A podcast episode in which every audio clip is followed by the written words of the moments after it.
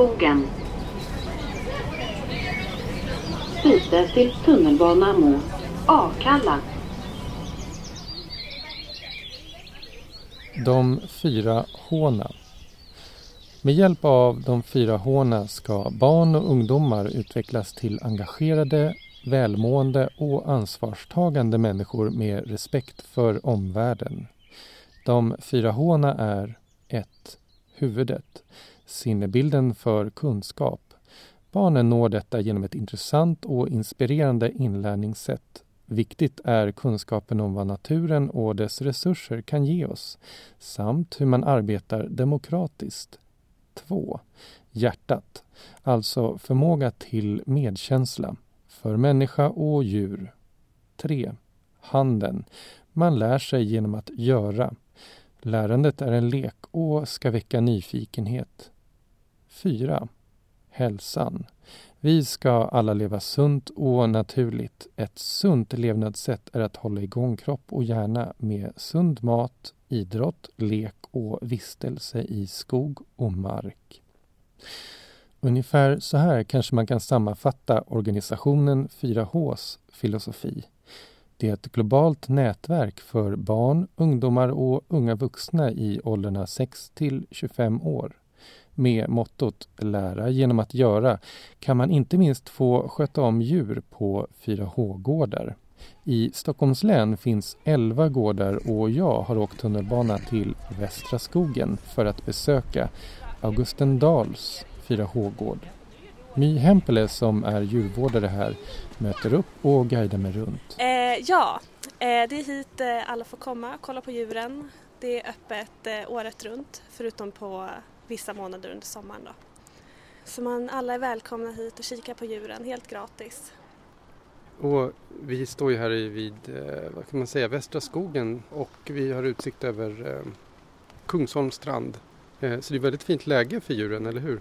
Ja, precis. Det är jättefint. Folk brukar ju komma hit med barnen och det ligger jättebra till liksom. Mm. Vacker plats och Är det så att man får kika eller är det mer handfast? Får man hjälpa till också? Ja, vi har helgskötare på helger så man får eh, mejla då och visa sitt intresse. Sen har man en introkurs så man får testa på att ha en egen bondgård helt enkelt. Nu börjar det regna. Är, finns det möjlighet att gå in? Nu går vi in här i ett litet, eh, ska man kalla det för stall? Ja, precis. Eh, lamporna fungerar inte så jättebra här inne men jag ska försöka tända dem som funkar.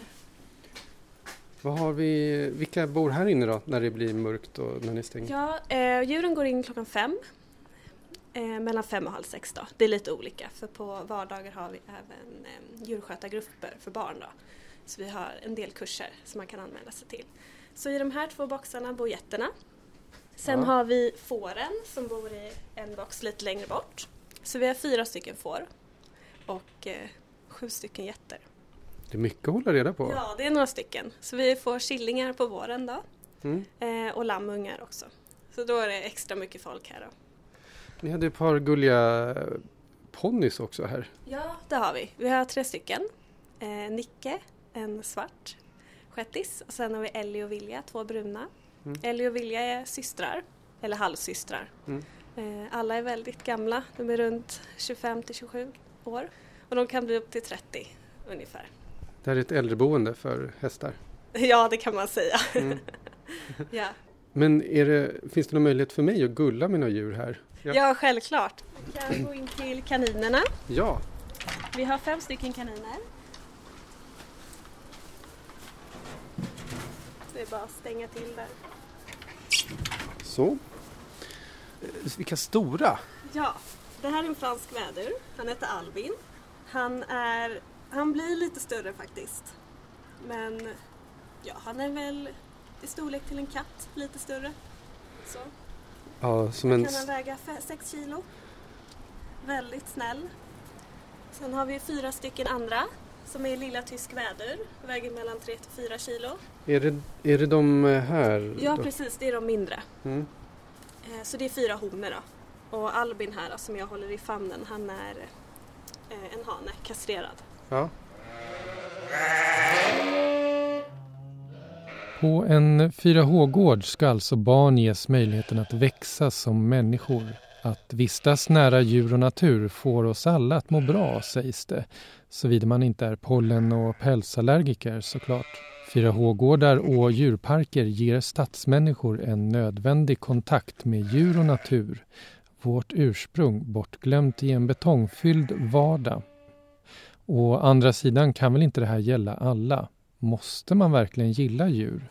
Jag stämmer träff med Tore Holmberg, sociologiforskare på Uppsala universitet som studerat förhållandet mellan människor och andra djur. Skulle du säga att det är viktigt med ställen i stan där just stadsmänniskor kan umgås med djur? Ja, men det är klart att det är det. Ehm, men det också handlar om att det finns ju massor med ställen hela tiden, överallt runt omkring oss. Även sådana som vi inte ser. Hur menar du då? Jag menar att det finns djur i, dem, i, det, i staden överallt. Det finns under marken, de finns i träden. Vi umgås med djuren även när vi inte är så att säga alltid medvetna om det. På det sättet också ja, gnuggas mot andra arter i det urbana rummet. Du sa ju ja nu på varför det är viktigt. Skulle du kunna eh, motivera varför det är viktigt? Ja, men för det första så är det viktigt för att människan som art ingår ju i ett ekologiskt system. Vi ingår i, som art eh, med andra, andra arter. Vi kan inte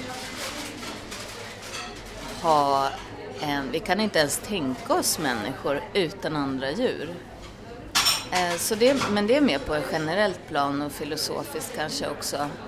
Men sen är det också bra studier som visar att det är bra för barn att växa upp med andra djur, att lära sig, man lär sig empati, man lär sig omsorg.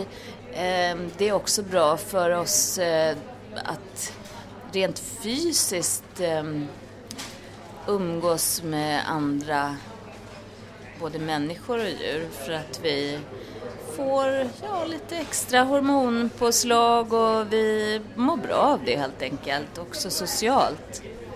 Det är spännande också att lära sig att interagera med andra djurarter ehm, därför att det kräver lite lite fantasi och lite inlevelseförmåga och så. Så det är inte bara att prata rakt av som du och jag gör utan vi måste lära oss varandras språk. Sen är det klart, det är inte alltid bra för djuren att umgås med, med oss. Det är ju många ställen och organisationer, till exempel 4H, som använder sig av just argumentet att människor eh, växer genom mötet med djur. Kan, du var ju lite inne på det, kan människor verkligen växa som individer genom att umgås med djur? Ja, det, det är också en, en tanke som jag skulle vilja eh, sätta upp som ett motargument, någonting som man ofta pratar om, det är att ja men om vi då håller på med djur, varför kan vi inte umgås med andra människor istället. Eh, och då har man någon slags idé, i det där argumentet så finns det någon idé om ett nollsummespel. Att vi har ett visst antal sociala relationer eller interaktioner på en dag eller på ett år. Eh, och fyller vi dem för mycket då med att umgås med djur, ja då har vi inte tid eller empati eller ork med andra människor. Och då finns det ju också studier som visar att det är lite faktiskt tvärtom. Och vi känner kanske till hundtricket. Ehm, det här att om man har hund och ute och går med den så får man också många nya relationer både till andra hundar och andra människor. Vad kan hästarna och getterna då på en 4H-gård lära oss och fylla för funktion för stadsmänniskor? Skulle man kunna säga att det handlar om intimitet och empati? Ja, men lite så som jag har sagt. Och sen är det ju naturligtvis, alltså det finns ju den här idén om att människor som bor i stan, att vi har kommit för långt ifrån naturen. Eh, och att vi därför behöver så att säga föra tillbaka djuren i stan. Och det är ju naturligtvis en, det är en sån eh, dominerande tanke som återkommer och som i populärkulturen har fått mycket uppmärksamhet.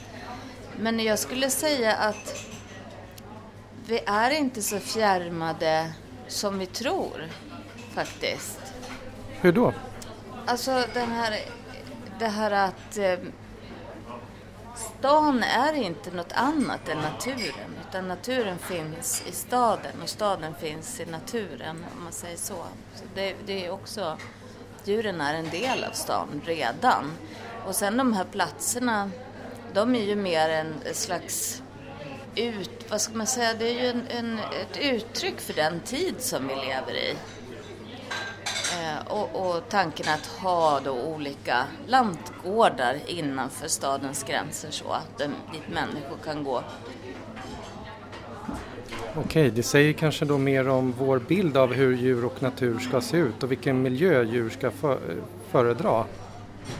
Ja, men, jo, men så kan man nog säga. Eh, och 4H-gårdar, precis som olika djurparker, de berättar ju någonting om det samhälle som vi lever i. Eh, både alltså den ideologi på något sätt som är rådande. När det gäller djurparker är det ju jättetydligt att det har skett en väldigt stor förändring från eh, Ehm, någon slags ehm, uppvisande av exotiska arter som människor då kunde gå och, och titta på och peka på och sådär. Till en mer, vad ska man säga, eh, utbildande och, och, också en sån ekologisk eller konserverande ehm, funktion. Och hur man, då ur, hur man då utformar de här platserna speglar de här olika ideologierna som ligger bakom. Är djur någonsin överskattade? Jag frågar eftersom jag kommer ihåg när jag själv jobbade som djur eh, som värd på Lillskansen att eh, det var väldigt många det hände ett flertal gånger att föräldrar kom dit och eh, i tron av att barnen skulle ha det jättekul med att klappa getterna och barnen var då jätteuttråkade och ville gå till karusellerna istället. Ja men det är klart att i det fallet så, så får ju då getterna konkurrera med andra konsumtionsutbud va. Och då är det klart att de inte kanske alltid vinner. Ehm, alla människor tycker ju inte om att umgås eller vara nära andra djur. Gillar du djur? Ja, det gör jag. Det gör jag. Kanske inte alltid. Ehm, grodor och paddor kan jag ibland ha mardrömmar om. Men jag har försökt att bota det. Det går åt rätt håll. Tillbaks till Augustendals 4H-gård och djurvårdaren My Hempele. De är väldigt sociala av sig. Kommer jämt fram och ska hälsa, klättra på en. Och... Vad är det för sorts getter? Eh, Jämtlandsgetter. Aha. Så det är en svensk eh, lantras då. Så det är det 4H-gårdar framförallt jobbar med, att eh, bevara de svenska lantraserna. Okej. Okay.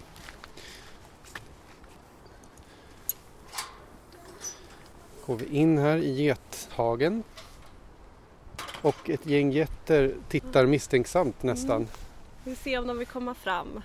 Har du något favoritdjur av alla de här djuren här? Oj, ja men det är nog getterna eller kaninerna tror jag. Mm. Eh, kaninerna ligger mig väldigt varmt om hjärtat. Mm. Så ett av favoritdjuren. V vad är det som lockade dig att börja med det här?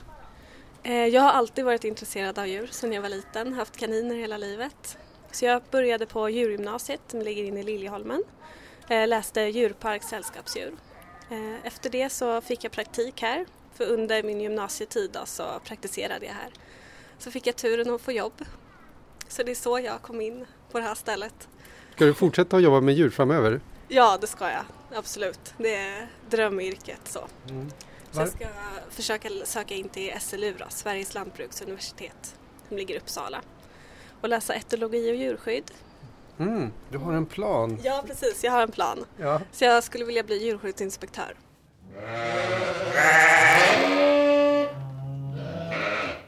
Ni har lyssnat på Natur på SL-kortet. En podd av mig, Stefan Nordberg Vill ni veta mer om dagens avsnitt kan ni gå in på www.juriskt.se eller Facebook-sidan för natur på SL-kortet.